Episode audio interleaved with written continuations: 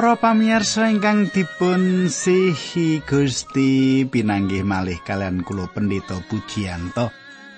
Kados pundi pawartos panjenengan saya-saya to lan keluarga kados pundi saya-saya ugi to inggih. Pandonga kula sarincang saking batu panjenengan tansah binerkahan dening Gusti lan tansah tinebih ing tulak sari makaten nggih. Ah, studio niki kula diparingi wedang kental supaya ora ngantuk ah wong ketemu panjenengan ora ana setengah jam wae kok diwenehi wedang kental kaya ngene iki piye.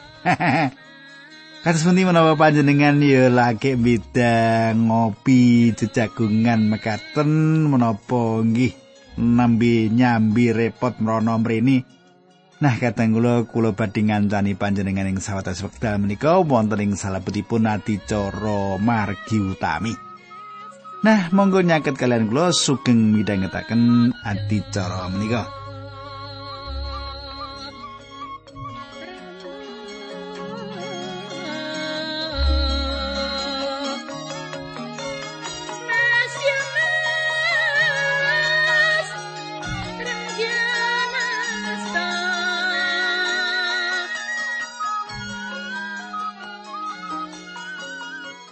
Para pamirsa menapa panjenengan sampun kemutan menapa ingkang kula aturaken duk nalika pepanggihan kepengker menika?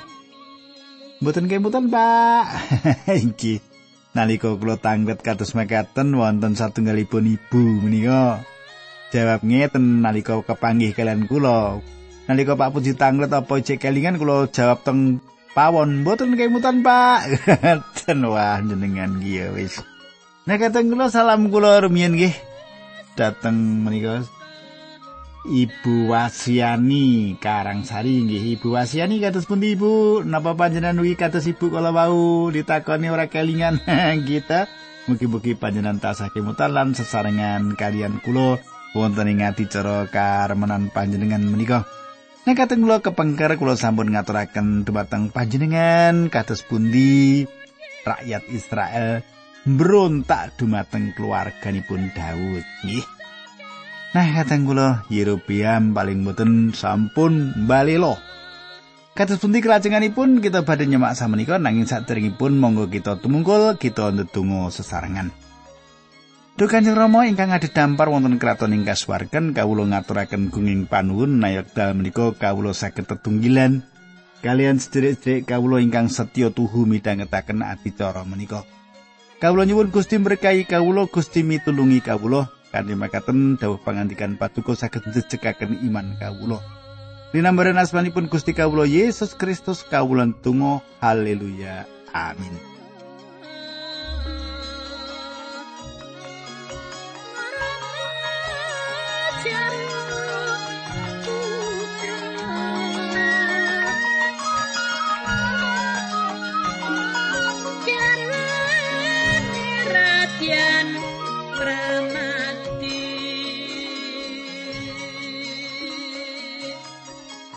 Para pamirsa ingkang dipun tresnani Gusti, samenika pasinon kita sampun lumebet ing setunggal para raja bab 12 ayatipun selangkung ngantos tigang dosa. Nggih, kula wasaken makaten mangke majeng-majeng majeng-majeng makaten. Nggih, kula wasaken ing basa pedinan. Bareng Yerobiam dadi raja, kutha Sikeming daerah Efraim banjur disentosani Kanggo sawetara mangsa Yerobiam dedalem ing kono ora suwe banjur ngalih saka kono lan nyentosani kutha Pnuel. Gagasane Yerobiam mengkene yen rakyat tetep saus kurban ing pedalamane Allah ing Yerusalem kaya saiki, ora wurung besok bakal padha seneng melu Rehabiam, raja ing Yehuda lan aku bakal dipateni. Sawise gagas mengkono Yerobiam banjur yasa reta sapi loro dilapis emas sarta ngendika marang rakyat mengkene he bangsa Israel nggonmu padha nindakake ngibadah ing Yerusalem wis cukup tekan semene wae saiki delengen iki lho Allah-Allahmu sing ngirit kowe saka tanah Mesir. Reca sapi mas mau sing siji dipasang ing Betel, sijine ing Dan. Kuwi sing jalari rakyat banjur gawe dosa sebab banjur padha nindakake pangibadah ana ing Betel lan ing Dan.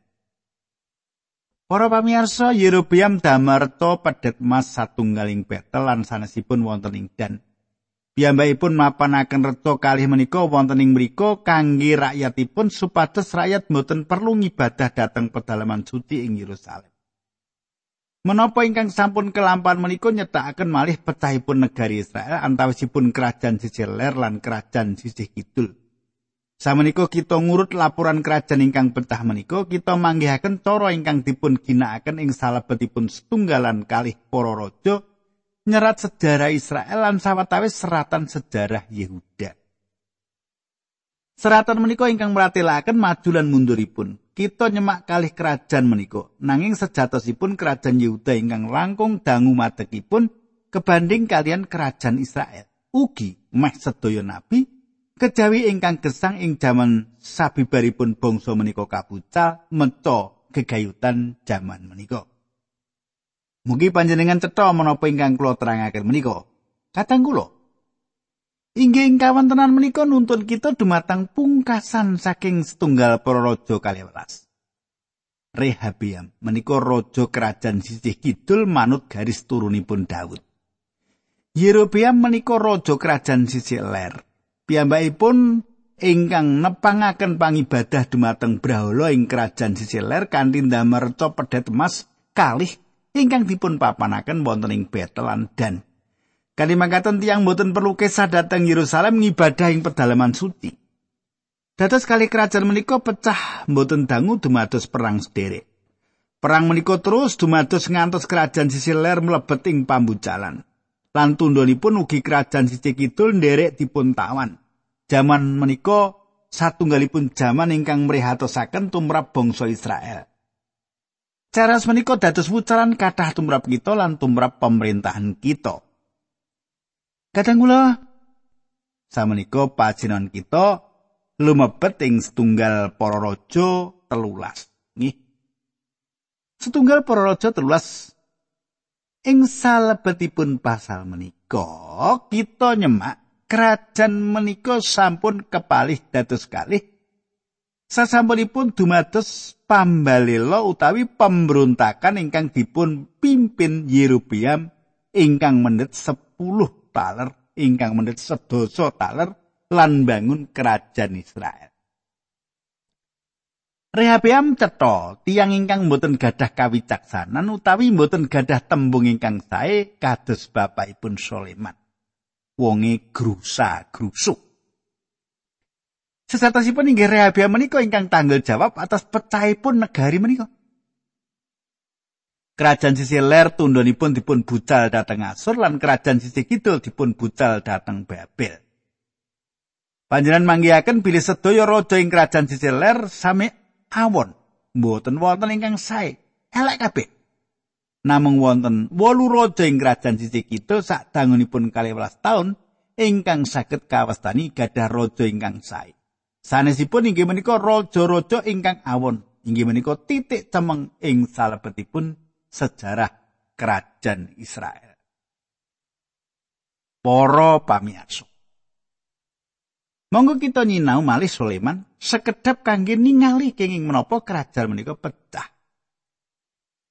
Kita nyinau malih Sulaiman sekedap kangge ningali kenging menapa kerajaan menika pecah. Sulaiman dipun paringi ganjaran kawicaksanan ingkang mligi saking Gusti Allah supados ngurus kerajaan menika. Nanging cetha bilih kawicaksanan menika mboten ngrasuk ing gesang pribadinipun. Sulaiman cetha mboten gadah kawicaksanan kasukman utawi ganjaran bedakaken roh. Piyambakipun panci mangertos watonan-watonan dasar tartamtu ingkang dados jalaran piyambakipun saged dados tiyang ingkang ngelenggai panguasai nanging menika mboten dipun praktekaken ing salebetipun gesang pribadinipun lan ugi ing salebetipun gesang kasukmanipun. Ing wiwitanipun ing wekdal piyambakipun manggih dampar keprabon tasih wonten pangibadah dumateng Brahala. Lan piyambakipun nutup pripat dumateng kasunyatan menika. Piyambakipun mboten gadah patrap lumawan orang lawan Selajengipun piyambakipun wiwit kapikut ing perkawis ingkang dados tondo saking kamakmuran. Kadang kula menawi makmur menika gampang manembah brahala. kita yang Israel menika makaten Sulaiman dhewe ya ngono ndang wis makmur rumangsa wis ora butuh Gusti Allah. Nyembah ya sak senenge sing ndi sing perlu tak sembah terserah aku. Mbok menawi makaten nggih. Nah, kateng kula. Kita pulang bebasan ngetinggalaken kawicaksanan Sulaiman. Nanging kitab juru khotbah meratelaken anggenipun bodho Panjenengan boten badhe manggihaken kalepatan menapa kemawon ingkang dipun tindakaken Sulaiman utawi bapakipun Daud ing kitab-kitab babat. Kali kitab babat menika nyerat kesaksian ingkang sami kalian menapa ingkang dipun pratelaken ing kitab para raja. Bentenipun ing salebetipun kitab para raja, nggih, ing salebetipun kitab para raja, panjenengan manggihaken saking tertinggalan manungsa. Panjenengan saged sinau sejarah kita babat ngetingalaken saking pamirsanipun Gusti Allah. Gusti Allah ngapunten dosa Daud lan ing wekdal Gusti Allah ngapunten dosanipun panjenenganipun nyucikaken dosanipun. Kadang kula ingkang kula tresnan. Perkawis ingkang dados kawigatosan kita inggih menika pilih patrap amora. Lumampah sairing butalan nyasar. Lumampah sairing putaran nyasar. Yohanes meratelaken perkais menika kanthi cetha dumateng tiang-tiang Kristen ing wekdal piyambakipun sanjak. Setunggal yo kanan setunggal ayat 6 mulane yen kita ngaku tetunggilan karo panjenengani mongko kita nglakoni dosa kuwi kita padha goroh lan urip ana ing sajroning pepeteng. Makaten pangandikanipun Gusti setunggal Yohanes tunggal ayat 6. Ampun sembrono. Panjenengan boten saged ngadosi Gusti Allah lan gadah patunggilan kalian panjenenganipun menawi panjenengan gesanging salebetipun dosa. Panjenengan boten saged ngapusi tiyang ingkang wonten ing sakiwa tengen panjenengan. Jaman samenika kathah pemimpin Kristen ingkang gesang ing salebetipun dosa. Para pemimpin menika kabukti amoral nanging tiang tetep nyengkuyung pemimpin menika. Para pemimpin kalawau sawek sembrono kalian Gusti Allah nanging para pemimpin menika cetha mboten gadah patunggilan kalian panjenenganipun. Wonten tiang kalih ing salebetipun kitab suci ingkang gadah kegiatan lan wewengan ingkang ngedapi-dapi. Ingkang kawitan inggih menika Simpson lan ingkang sanes inggih menika Soleman. Nanging tiang kali menika ngujiwani Gusti Allah lumantar patrap gesangipun ingkang boten sae. Nah, samenika bab 13 ayat tunggalan kali. Dek semono ana nabi saka Yehuda sing diutus dening Allah menyang Betel. Nalika nabi mau teka ing Betel, Yerobeam lagi ana ing ngareping mespeh arep saus kurban. Atas dawe Allah nabi mau banjur kondo marang mespeh lawan soro. He mespeh, Ana dawe Yehowah mengkene bakal ana bocah lair saka ing keluargane Daud jenenge Yosia. Kuwi bakal mateni imam-imam sing ngurusi mesbeh brahala-brahala lan saus kurban ana ing mesbeh kini. Para pamirsa. Saestu dados kawigatosan kita kangge nyerat kala menapa Yosia dados pangwaos. Ah menika dumados meh 300 taun salajengipun nanging Nabi Gusti Allah meratelaken wiwit ing wekdal semanten. Yosia inggih menika raja ingkang sae lan dados panguwas tigang dosa setunggal taun. Yosia mimpin ing salah setunggal saking gangsal kebangunan rohani ingkang dumados ing pemerintahan para raja. Kita badhe sinau kebangunan-kebangunan rohani menika ing salebeting kitab babat. Kebangunan-kebangunan rohani menika tansah dipun serat saking paningalipun Gusti Allah.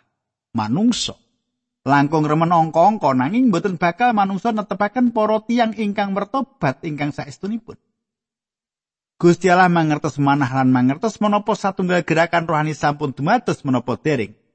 Nabi Allah meco lumawan mesbeh, sanjang pilih Gusti Allah nekakaken lari jaler ingkang badhe ngrisak mesbeh-mesbeh kados makaten menika. Yosia inggih menika salah setunggal ingkang badhe dipun datengaken kangge nindakaken tugas kados makaten menika. To lajengaken ayat 3 lan sekawan panjenengan semak kula wasaken. Nabi mau ngendika meneh mengkene, mesbeh iki bakal ambruk lan awune numplek ing lemah. Kuwi buktine yen aku iki diutus dening Allah. Bareng krungu tembungin Nabi mau Yerobiam banjur ngendika karo ngacungake astane nudingi Nabi mau wong kuwi cekelen. Nanging astane Yerobiam dadi kajeng. Nganti ora kena diudunake. Para pamirsa, Yerobiam wonten ing caketan mesbeh ing wekdal abdi Allah menika nyukani pameto. Piyambakipun ngaturaken kurban obaran dumateng reca pedet emas menika. ing wekdal Abdi Allah menika rampung meco Yerobeam netahken lengenipun dumateng Nabi menika. Nuding mangan. Raja menika sedatosipun sanjang, cekelan wong iku, wong iku kudu dipateni. Ing wekdal raja nuding Abdi Allah menika, tanganipun kaku lan dados lumpuh. Ayat gangsalan 6 sawah 7. mesbe mau dumadan ambruk lan awu sing tumumpang ing dhuwure numplek ing lemah kaya sing digendikake dening nabi mau atas asmani Allah. Yerobiam banjur ngendika marang nabi kuwi panjenengan kersa nyuwun dhateng pangeran Allah panjenengan supados tangan kula saras malih. Nabi mau ya banjur ndedonga marang Allah mulane astane sang Prabu pulih sanalika. Sang Prabu banjur ngendika marang Nabi mau monggo daharing griya kula panjenengan badhe kula taosi hadiah minangka atur panuwun kula. Para pamirsa, raja menika ngribah swantenipun kanthi cetha lan nyuwun dumateng Abdi Allah menika supados nyuwunaken dumateng Gusti Allah tanganipun saged pulih. Tanganipun raja wangsul pulih lan minangka pikurmatan sang raja nawani Abdi Allah kalawa wangsul sesarengan kalian piyambakipun lan badhe nyukani hadiah dumateng nabi menika. Ayat 8 lan 9 tekan sedoso nanging nabi mau mangsuli senadan panjenengan maringi paling kraton panjenengan kula mboten badhe nderek nedha lan ngombe kalian panjenengan. Kula kedawan dening Allah supados mboten nedha lan ngombe sarta mboten badhe wangsul medal mergi ingkang wau kula langkungi. Dadine nabi mau lunga metu dalan liya. kadang kula ingkang kula tresnani panjenengan semak. Abdi Gusti Allah menika mboten purun kompromi kalian piyawon lan pangibadah dumateng Brahala. Menapa ingkang dipun tindakaken menika saestu ngidapi-dapi, wonten kathah kompromi ingkang dumados ing kekristenan. Kula mboten gadah kekajengan sanjang bilih panjenengan kedah kaku lan mboten perlu srawung kalian sesami utawi mboten purun ngandikan kalian tiang sanes singkang mligi utawi patunggilan kalian tiang-tiang menika. Mboten menika perkawisipun. Nanging menapa ingkang kita betahaken inggih menika kangge gadah pratela ingkang cetha gegayutan kalian teologi ingkang leres. Para pamirsa, kathah tiang pitados nyengkuyung organisasi-organisasi Kristen ingkang keyakinan teologianipun ingkang mboten sehat. keyakinan teologianipun mboten sehat. Menawi panjenengan mboten rumaos yakin satunggalipun peladosan mboten saestu nyuwantenaken pangandikanipun Gusti utawi panjenengan mboten rumaos satunggalipun peladosan menika nyuwantenaken Gusti panjenengan kedah naliti peladosan menika wi nyuarake pangandikane Gusti apa ora Menika penting. Penting. Gusti Allah badhe nyuwun atur jawaban panjenengan gegayutan kados pundi panjenengan nanem arto panjenengan. Dinten-dinten menika inggih menika dinten ingkang awon, jamane wekdal Yerobiam gesang ugi awon. Lan nabi menika mboten purun nyipeng lan nedha siang kalian sang raja. Nabi menika mboten purun katut-katut kalian sang raja. Para pamirsa ing wekdal gereja ing jaman menika katut ing salebetipun perkawis-perkawis ingkang asipat kadonya. Naliko gereja samenika katut kalut kelu ing salebetipun perkawis-perkawis ingkang asipat kadonya lan nindakaken samukawis kompromi. Pramila patra menika ndatengaken barang ingkang mambet ing grononipun Gusti Allah ingkang Maha Kuwasa. Mambu Gusti Allah. Kita sawet gesang ing jaman ingkang memper jaman Yerobiam gesang lan kita perlu gadah patrap ngatos atos ingkang sami. lan gadah ganjaran bedakaken roh ingkang sami kados abdi Allah ing wekdal semanten. Panjenengan saged ugi gadah pikiran bilih pengalaman Yerobiam kalian abdi Allah menika badhe ngribah watek pantunipun. Tanganipun nate mboten saged dipun obahaken lan dipun sarasaken. Manut panjenengan menapa piyambakipun watek pantunipun karibah? Monggo kita semak ayat 33 ngantos tigang dosa sekawan. Raja Yerobiam tetep ora kersa nilar pedamele sing ala. Kanggo ngurusi mesbeh-mesbeh sing biasa mau panjenengan isih terus ngangkati imam-imam sing ora saka keluarga Lewi. Angger wong sing gelem banjur diangkat dadi imam. Tumindake sing mengkono mau gawe cilakane putra wayahe mulane padha ludes babar pisan. Kadang kula ingkang kula tresnani, menawi panjenengan nampi mukjizat saking Gusti panjenengan didongakake waras aja dolanan ampun dolanan panjenengan dipun warasaken kanthi asmanipun Gusti Yesus aja ngantek panjenengan dolanan ora manembah karo panjenengani mangke panjenengan badhe ngrasaken kados raja Yerobeam mulane tedak turune putra wayahe padha ludes babar pisan Niki pangandikanipun Gusti kula ora meden-medeni. Nah monggo selajengipun pasinan kita lumebet ing kitab Para Raja setunggal Para Raja bab 18. Kula lompat iki mawon ayat pitulan bolu nggih. Kula aturi matur dhateng Yerobiam pilih makaten dawuhipun pangeran Allahipun Israel kowe wis ndak pilih saka ing antarane rakyat ndak dadake raja sing ngereh umatku Israel. Kowe ndak paringi kraton sing ndak jupuk saka anak turune Daud nanging kowe ora kaya abdiku Daud. Daud kuwi setya marang aku lan nglakoni dawuh-dawuhku. Daud mung nglakoni apa sing ndak kersakake.